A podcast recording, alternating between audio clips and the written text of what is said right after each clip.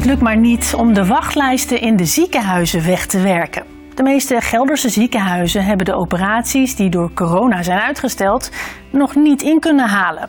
Een aantal ziekenhuizen heeft daarom al besloten dat sommige reguliere zorg niet kan doorgaan en operaties worden uitgesteld of zelfs afgezegd. Het was eerder natuurlijk al bekend dat er nog een grote klus uh, op het zorgpersoneel lag te wachten, maar die lijkt nu twee keer groter uh, dan verwacht. Het wegwerken van die uitgestelde zorg gebeurt wel, maar kan niet voorkomen dat heel veel mensen nog steeds niet geholpen worden. De COVID-19-pandemie en de maatregelen om patiënten met COVID te behandelen hebben vanaf maart 2020 tot grote verschuivingen in de gezondheidszorg geleid. Sommige zorg kwam geheel stil te liggen. Soms werd zorg in aangepaste vorm gegeven en weer andere zorg werd uitgesteld. Het inhalen van de uitgestelde behandelingen en diagnoses leidt op dit moment tot een grote belasting van de zorg.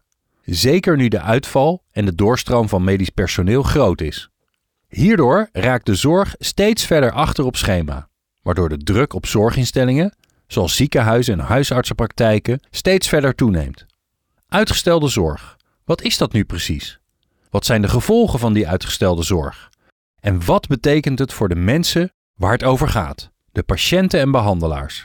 Ik spreek hierover met twee patiënten. Uh, nou, ik ben zes jaar geleden ben ik in het ziekenhuis beland met uh, ja, twee herseninfarcten. Niet tegelijk, maar wel, uh, ja, dat is de aanleiding geweest. Dit is Loes Pater. Die twee herseninfarcten hebben haar leven op zijn kop gezet. Niet meer werken, veel last van overprikkeling en geen energie meer. In mei 2020 voelde het weer niet goed voor haar. Uh, nou, ik liep in de supermarkt en ik wilde uh, afrekenen en ik heb uh, ja, iets uit mijn handen laten vallen. Um, en je voelt alsof je aan het klunzen bent of dat het ja, anders is. En dit voelde anders, maar ik heb dat genegeerd. Dat is vreemd gezien haar eerdere ervaring. Waarom ondernam ze geen actie? De, de druk was op dat moment nog uh, vrij hoog in de ziekenhuizen. Um, je wordt ermee uh, doodgegooid als het ware met het nieuws. Um, ik wilde echt niet tot last zijn, want ik had niet het gevoel dat het misschien erg zou zijn. Dus ik dacht van laat ik maar niet bellen. Maar dat vond de huisarts geen goed idee en hij heeft haar direct naar het ziekenhuis gestuurd. Haar verblijf daar was heel anders dan zes jaar daarvoor. Ja, de eerste keer uh, dat ik opgenomen werd in het ziekenhuis, ben ik meteen zes dagen gebleven.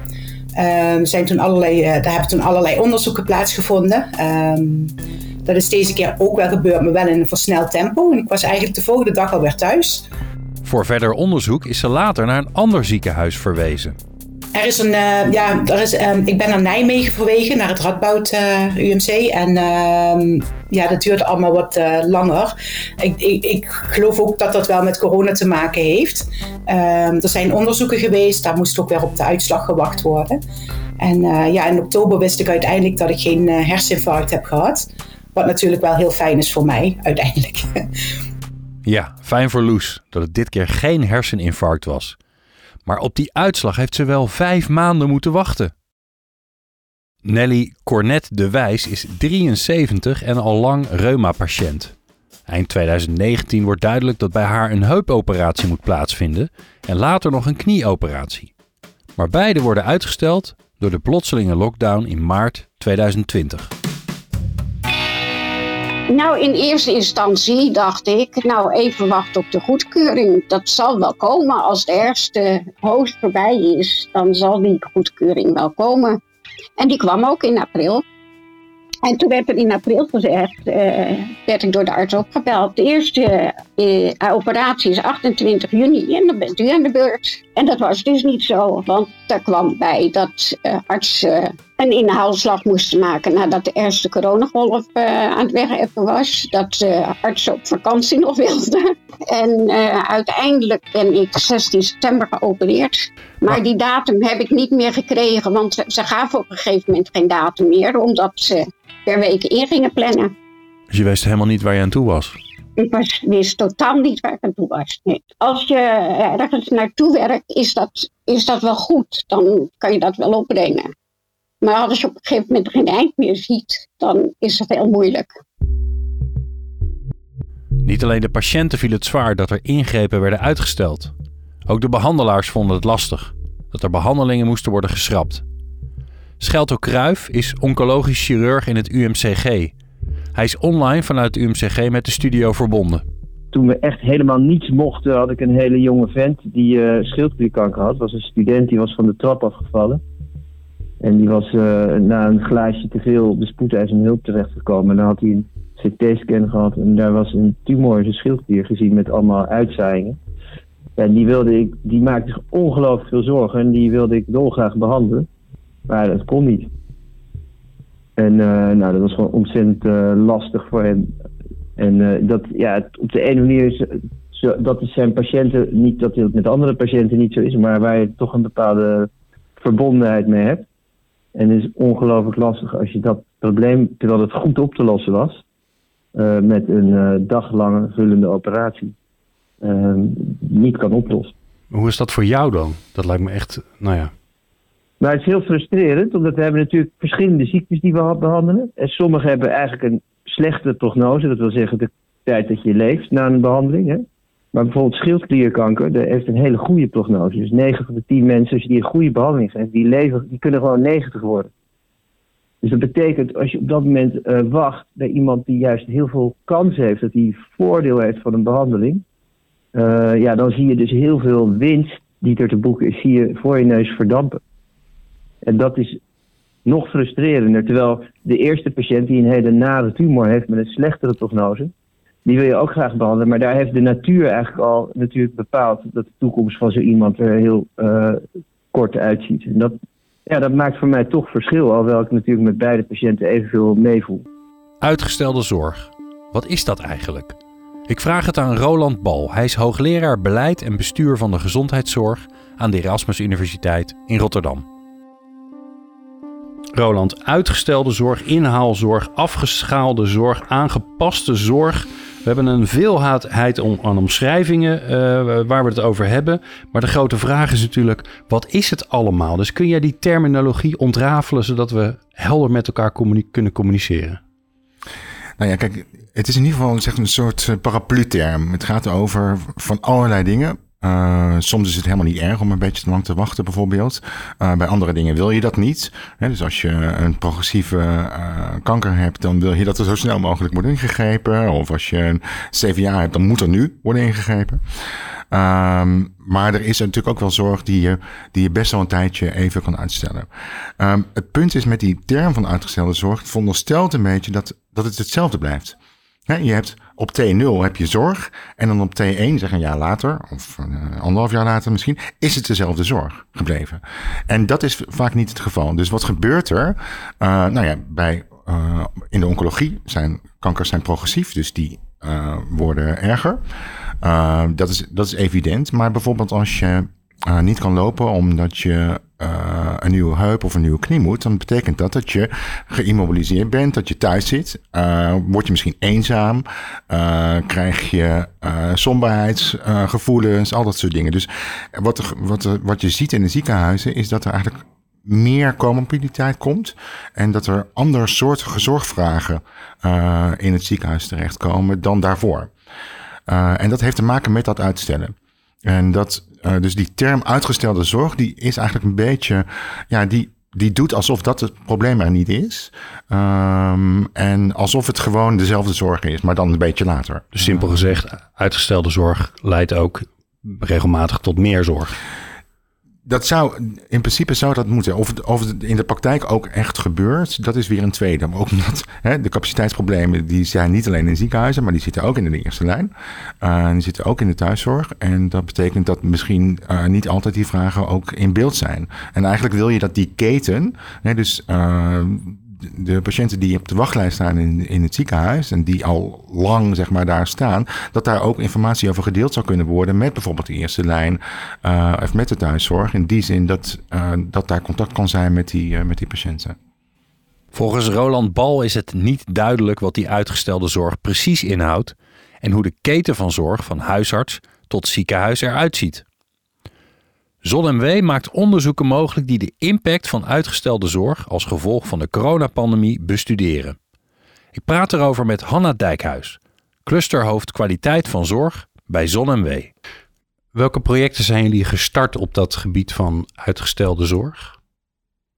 Er is er eentje uh, op de eerste lijnzorg van zijn mensen nog naar de huisartsen gegaan en wat voor een effect heeft dat? Uh, er is een project geweest over oncologie. Wat voor een effect heeft dat dat dat uitgesteld is? En er zijn ook projecten, wat hebben we gemist? Hè? Dus, dus een, een, een TIA of een beroerte, daar kun je symptomen aan de voorkant zien. Maar hoeveel zijn er gemist? En zien we dat ook in cijfers verder? Hoe bepaal je nou dat dat de onderzoeksvelden moeten zijn die je nodig hebt? Gelukkig is daar een commissie voor. Dus uh, ZonMW Bureau organiseert zo'n subsidieronde. Die zorgt ervoor dat de juiste experts aan tafel zitten. Uh, en die bespreken dus met een hele groep. Dus we hadden wel een groep van 25 commissieleden, want er zat een enorme druk op. En je kijkt op zo'n moment, wat zijn de beste voorstellen? Zowel wat betreft de relevantie, dus detecteert het de goede informatie, als de kwaliteit van het onderzoeksvoorstel. En die hebben we kunnen honoreren. Vanaf de zomer van 2020 worden er onder andere binnen het COVID-19-programma van ZonMW onderzoeken gefinancierd om zicht te krijgen op de mogelijke effecten van uitgestelde zorg tijdens de coronapandemie. Wat is uitgestelde zorg? Hoe hebben patiënten dat ervaren? En hoe was dat voor de behandelaars zelf om niet de zorg te leveren die zij gewend waren te leveren? We praten daarover met onderzoekers die zich over deze vragen hebben gebogen. Luister naar Evelien de Schepper, huisarts-epidemioloog, universitair docent huisartsgeneeskunde en coördinator van Rijnmond Gezond Database. En Charles Helsper, hoofdonderzoeker Primary Care Oncology aan het UMC Utrecht Julius Centrum. We zijn uh, in het, eh, Erasmus MC en wij zelf van het UMC Utrecht met al onze eerste lijnspartners zijn we gaan kijken wat gebeurt er nou in die eerste lijn. Dus hoe, uh, wat gebeurt er met het aantal presentaties, dus het aantal huisartsbezoeken uh, van patiënten met, uh, nou wij keken dan naar kankergerelateerde klachten. En het team van Evelien en uh, Sylvan Liché keek meer naar hart-vaatziekten gerelateerde klachten, dus allebei ernstige ziekten waarvan we weten dat je soms je klachten niet te veel moet uitstellen, omdat dat voor de lange termijn ernstige consequenties kan hebben, zijn wij gaan kijken naar hoe vaak mensen zich presenteerden in de huisartspraktijk. Um, nou, en wat wij allebei duidelijk zagen, uh, zeker tijdens die eerste golf uh, van corona, is dat mensen uh, heel veel vaker thuis bleven. Dus om een voorbeeld te geven, bij kankergerelateerde klachten zagen we ongeveer een, een afname van een derde, dus meer dan 30% minder presentaties met kankergerelateerde klachten. En enerzijds zat hem dat in de klachten waarbij de, de kans op kanker iets lager is, maar wel aanwezig. Dus klachten zoals moeheid, angst voor terugkeer van kanker, klachten die mogelijk iets met prostaatkanker te maken zou kunnen hebben. Maar we zagen dat ook, en dan was de afname iets minder, maar nog steeds wel rond de 15%, voor wat we alarmsymptomen noemen. Dus dat zijn klachten zoals rectaal bloedverlies en knobbel in de borst. Okay. En als je dat op een populatieniveau bekijkt, dan is 15% minder, zijn, zijn ontzettend veel mensen. Ja, wat voor aantallen moet ik dan denken? Uh, nou, als we, en dan trek ik hem even door over heel 2020. Als we bijvoorbeeld kijken uh, naar het aantal mensen dat zich met een moedervlek presenteerde, wat natuurlijk een hele belangrijke ingang is om uiteindelijk bijvoorbeeld een melanoom of een andere kwaadaardige huidziekte te vinden. dan over heel 2020 hebben zich ongeveer 40.000 mensen minder gepresenteerd bij de huisarts. En je kan je zo voorstellen als, hè, als, als daar uh, dat, uh, nou, een, een klein percentage, maar steeds een substantieel uh, percentage kanker van heeft, dat er ontzettend veel mensen hun bezoek uitgesteld hebben. Ja, Evelien, hoe was dat bij, bij het onderzoek wat jij hebt gedaan? Ja, zorgmeiding dat is niet iets nieuws. Hè? Dat bestaat eigenlijk altijd al sinds het bestaan van de artsen. Zijn er mensen die daar niet na naartoe willen? En corona was een extra factor, een grote extra factor. Um, en wat wij zagen was dat het vooral de kwetsbare mensen weer zijn die de zorg niet kunnen vinden op zo'n moment. Dus dat zijn de laag opgeleide. Okay, dus het was niet eh, normaal verdeeld over de hele nee, bevolking? Nee, nee, nee, helaas niet.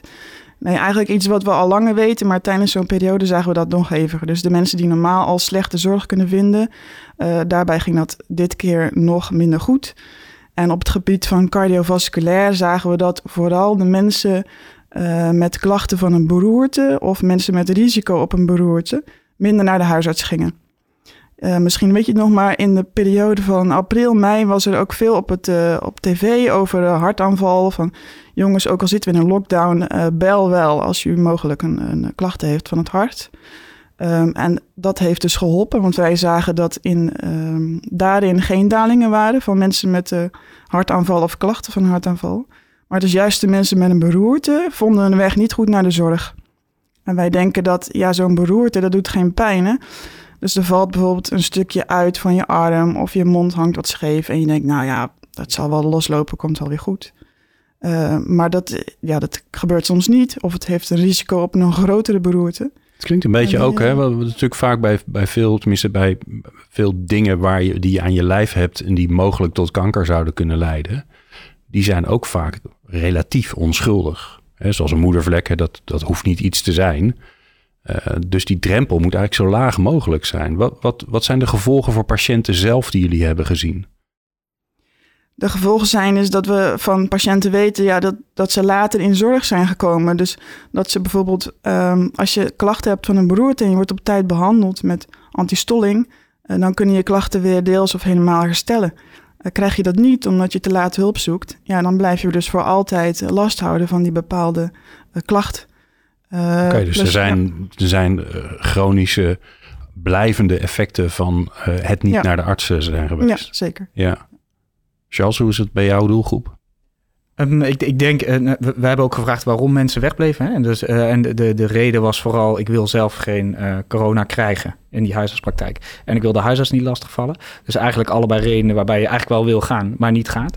En ik denk dat je daaruit ook kan afleiden dat, dat de consequenties tweeledig zijn. Hè? Dat zijn dus mensen die eigenlijk ergens mee rondlopen waar ze hulp voor willen zoeken. Ehm, maar die hulp niet vragen. Dus daar zit ook een, een, een leedfactor in, zeg maar. Um, en anderzijds heb je natuurlijk de, de prognostische factor. Dus, dus de kans dat het effecten heeft op, uh, op, op het ziektebeloop. En uh, bij kanker is het vaak zo dat ja, je wil mensen eigenlijk toch zo vroeg mogelijk vinden. Uh, er zijn ook studies gedaan waarbij ze uh, gekeken hebben, een, ja, geprobeerd hebben een inschatting te maken van de mate van vertraging en de relatie met het effect op overleving. Um, soms, hè, voor sommige kankervormen met best nou, twee maanden vertraging tot soms wel een schatting van 10% vermindering van je 10 overleving. Hè. Dus dat kan, dat kan impact hebben. Um, en uh, de, de, consequentie die wij gezien hebben is vooral bijvoorbeeld voor de alarmsymptomen. Dat er uh, dus die, de, waarbij een grote kans is op kanker. Een behoorlijke daling tijdens de eerste golf. Maar eind 2020 zagen we een overpresentatie van alarmsymptomen. Okay. En het zou dus kunnen. Het inhaaleffect dat dat een ineffect is. En het zou dus kunnen dat dat later consequenties heeft. En we zijn nu in overleg met ZonMW of ook kunnen gaan kijken of we een inschatting kunnen maken van wat die latere consequenties zijn. Dus of we kunnen kijken uh, wat die, uh, die vermijding van zorg, uh, die we tijdens corona gehad hebben in het begin, voor consequenties heeft in een latere fase.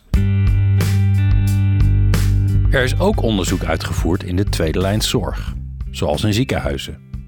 Ik spreek daarover met twee onderzoekers.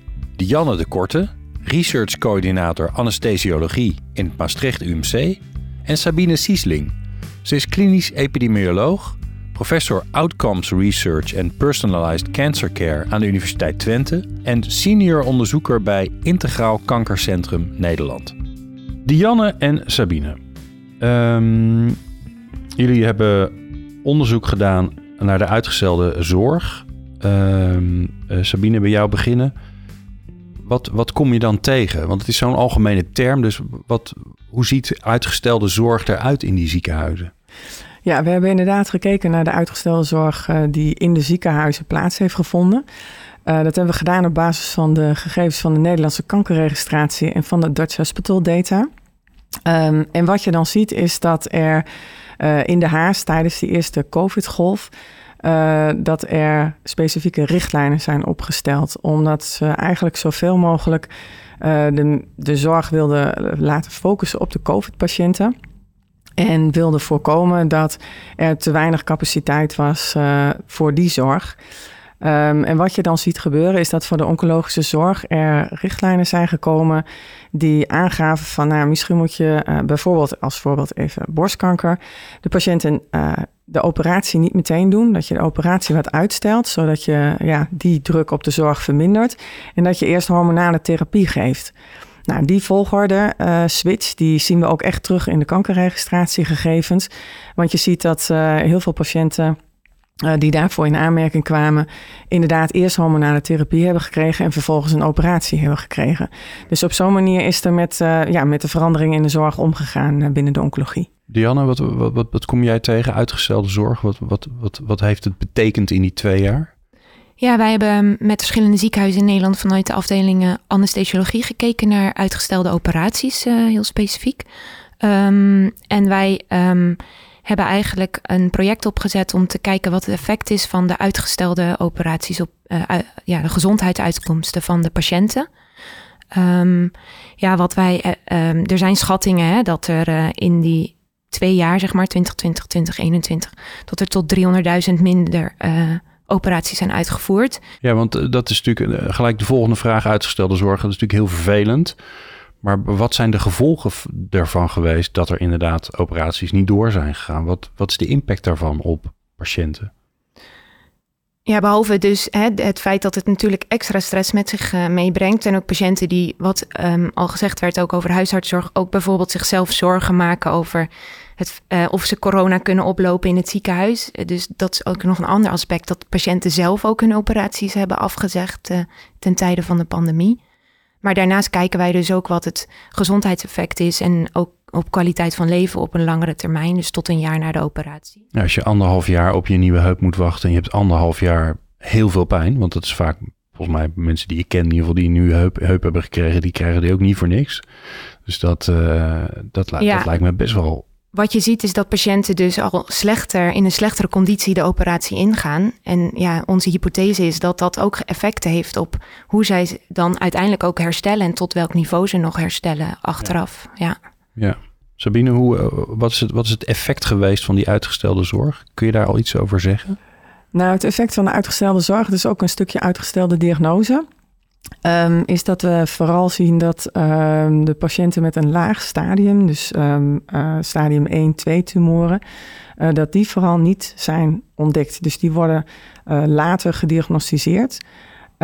en dat is ook heel erg gerelateerd aan het stopzetten van de screening voor borstkanker, baarmoederhalskanker en darmkanker. Baarmoederhalskanker is het effect niet echt direct te zien op uh, aantal kankers, kankers omdat het echt kijkt naar voorstadia van, uh, van uh, baarmoederhalskanker. Maar bij darmkanker bijvoorbeeld zie je een daling in um, vooral stadium 1, 2 tumoren. En bij borstkanker zie je een enorme daling in de voorstadia van borstkanker en stadium 1 en 2.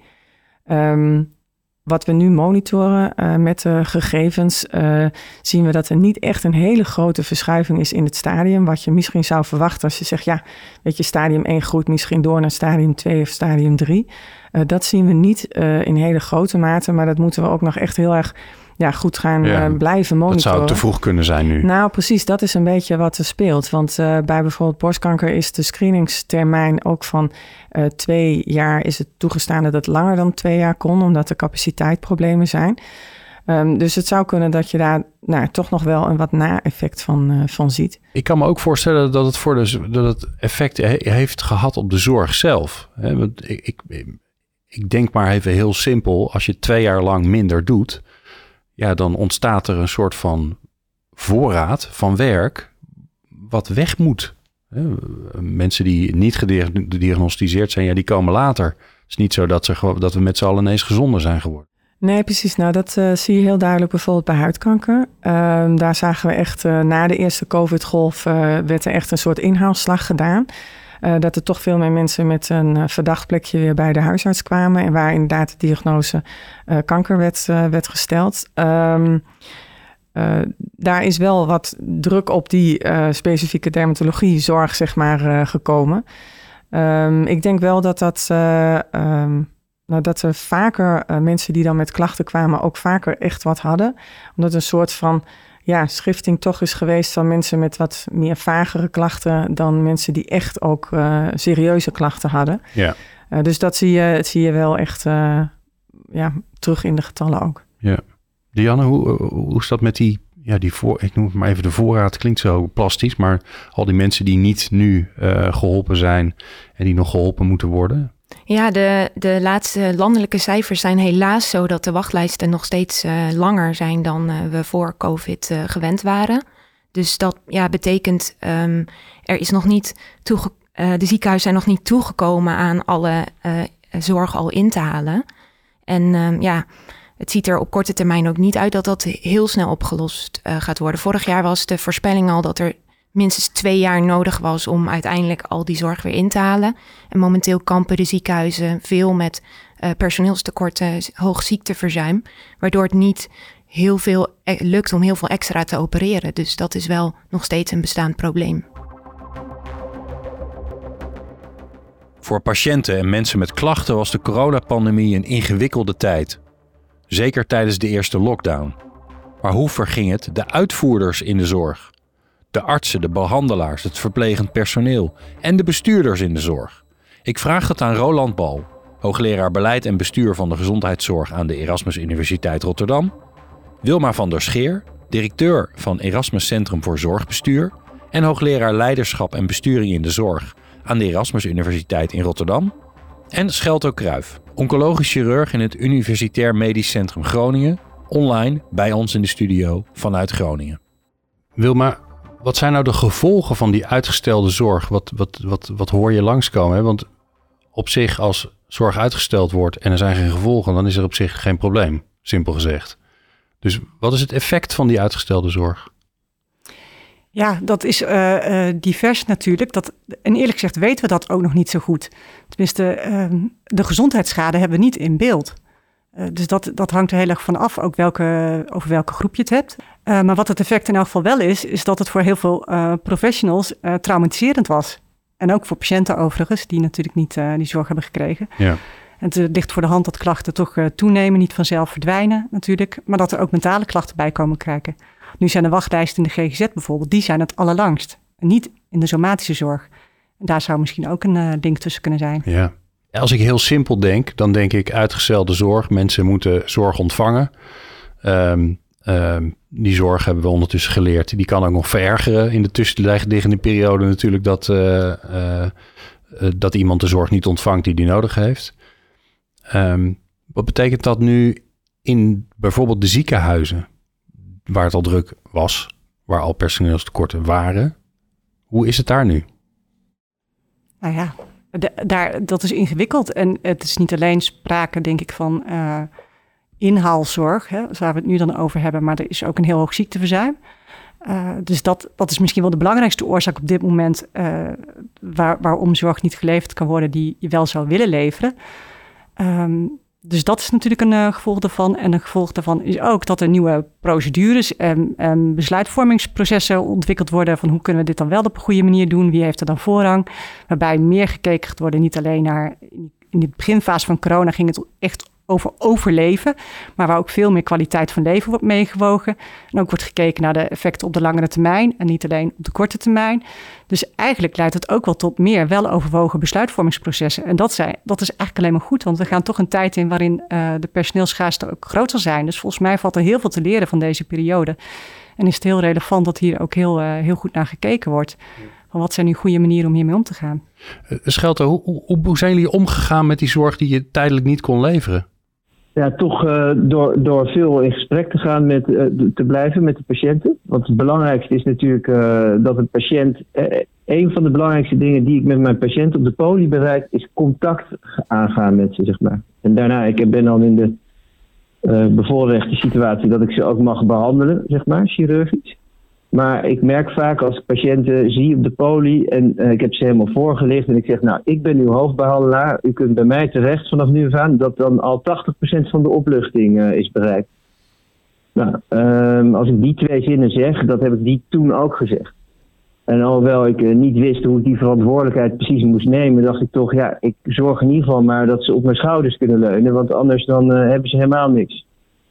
En ja, dat heb ik gewoon gedaan. En dan elke keer lobbyen. Je bent eigenlijk een lobbyist voor je patiënt. Kijken of je ergens een plekje kan vinden. En had ik nog geluk, omdat ik uh, in de oncologie werk. Dus wij werden dus geprioriteerd.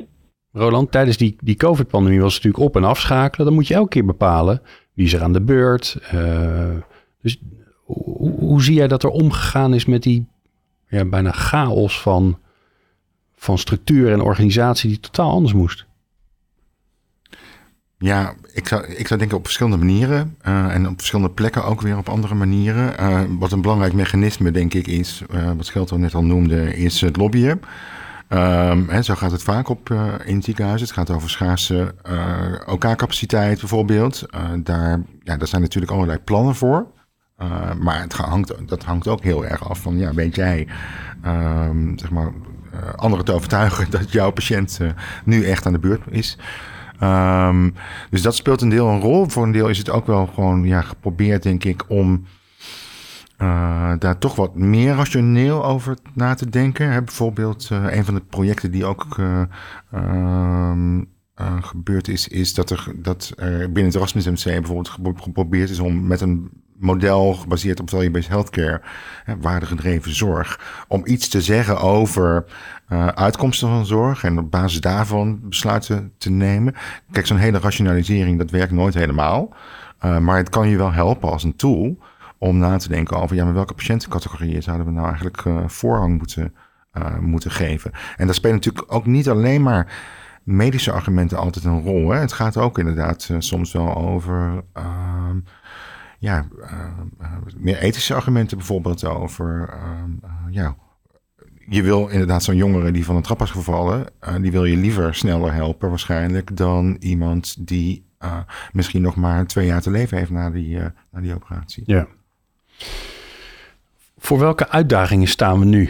En nu is natuurlijk altijd een, een, een, een, ingewikkeld begrip, want op het moment dat we deze podcast luisteren is het al niet nu meer. Maar wat zijn de uitdagingen waar, waar we die, in, die, in, die, in die tweede lijn zorg nu voor staan met z'n allen?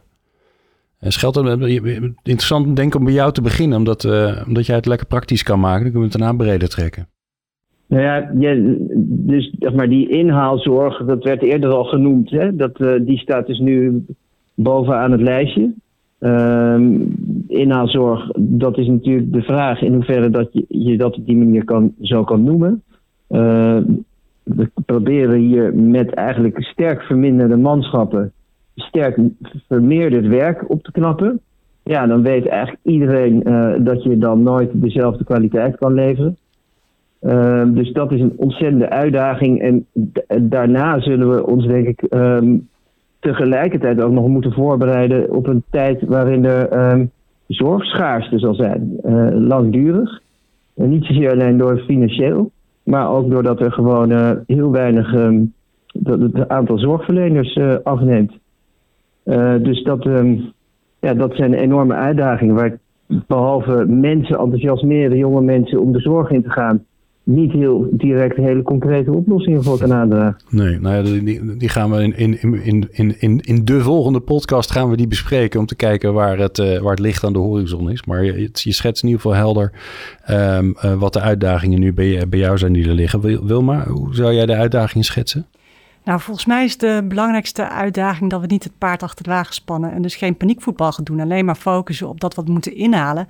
Maar veel slimmer gaan nadenken over wat waar moet, waar kan, hoe we dingen kunnen voorkomen. Uh, nou ja, dat, uh, dat lijkt mij uh, okay. echt, echt dat er nu moet gebeuren. Dus het grote, grote gevaar is dat we ons nu gaan focussen op, ja. op die voorraad, die, die, die achterstand, die wachtlijst wegwerken. Ja. En dan, dan gaan we onszelf over voor de kop werken. Ja, absoluut. We moeten echt veel fundamenteler hierover nadenken. Ja. Roland, wat is ja, de uitdaging? Nou ja, daar ben ik het uh, mee eens. Ik ben, ik ben het ook eens met, uh, met het punt dat, dat workforce is een enorm belangrijk thema en uh, dus aandacht voor met name verpleegkundigen, verzorgenden is echt heel hard nodig. Ja, vier, vier jaar hè, verpleegkundige, verzorgende, ook vier volgens mij. Ja, maar drie ook, jaar voor de helpende. Ja, maar je moet niet vergeten dat er heel veel mensen nu thuis zitten. En dat, dat heel veel verpleegkundigen ook vrij snel afhaken. En dus veel meer aandacht voor uh, zeg maar de lol op je werk, de, de mogelijkheid om je professionaliteit te ontwikkelen, ehm, de, de, mogelijkheid om in teams op een goede manier te kunnen functioneren, de mogelijkheid om je te focussen op je werk en niet op administratie. Al dat soort dingen zijn echt heel erg cruciaal om te gaan zorgen dat die workforce uh, op peil blijft. Het zal nog steeds een probleem vormen. We hebben nou eenmaal te maken met een toenemende zorgvraag en we kunnen dat niet um, opvangen met, uh, op, wat is het, in 2040 zouden één op de vier mensen in de zorg moeten werken om aan de toenemende vraag te kunnen voldoen. Nou, dat gaat niet gebeuren.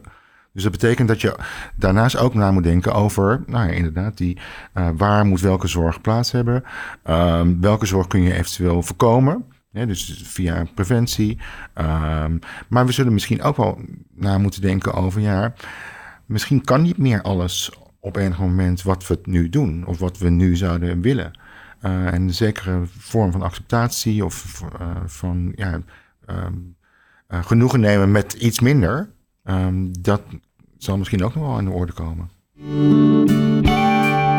We gaan nog even terug naar Hanna Dijkhuis, clusterhoofd kwaliteit van zorg bij Zon MW.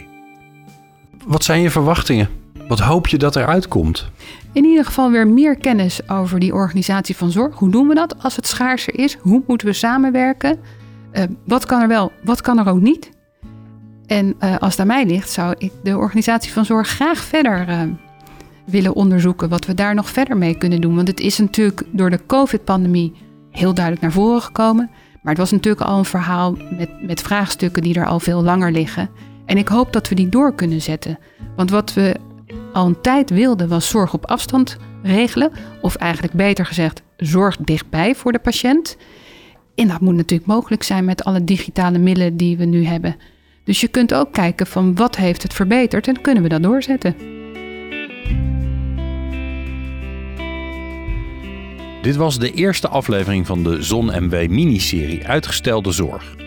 In deel 2 van de miniserie gaan we kijken wat de gevolgen zijn van die uitgestelde zorg voor patiënten, maar zeker ook voor de zorgverleners en zorgbestuurders en hoe er al aan oplossingen wordt gewerkt.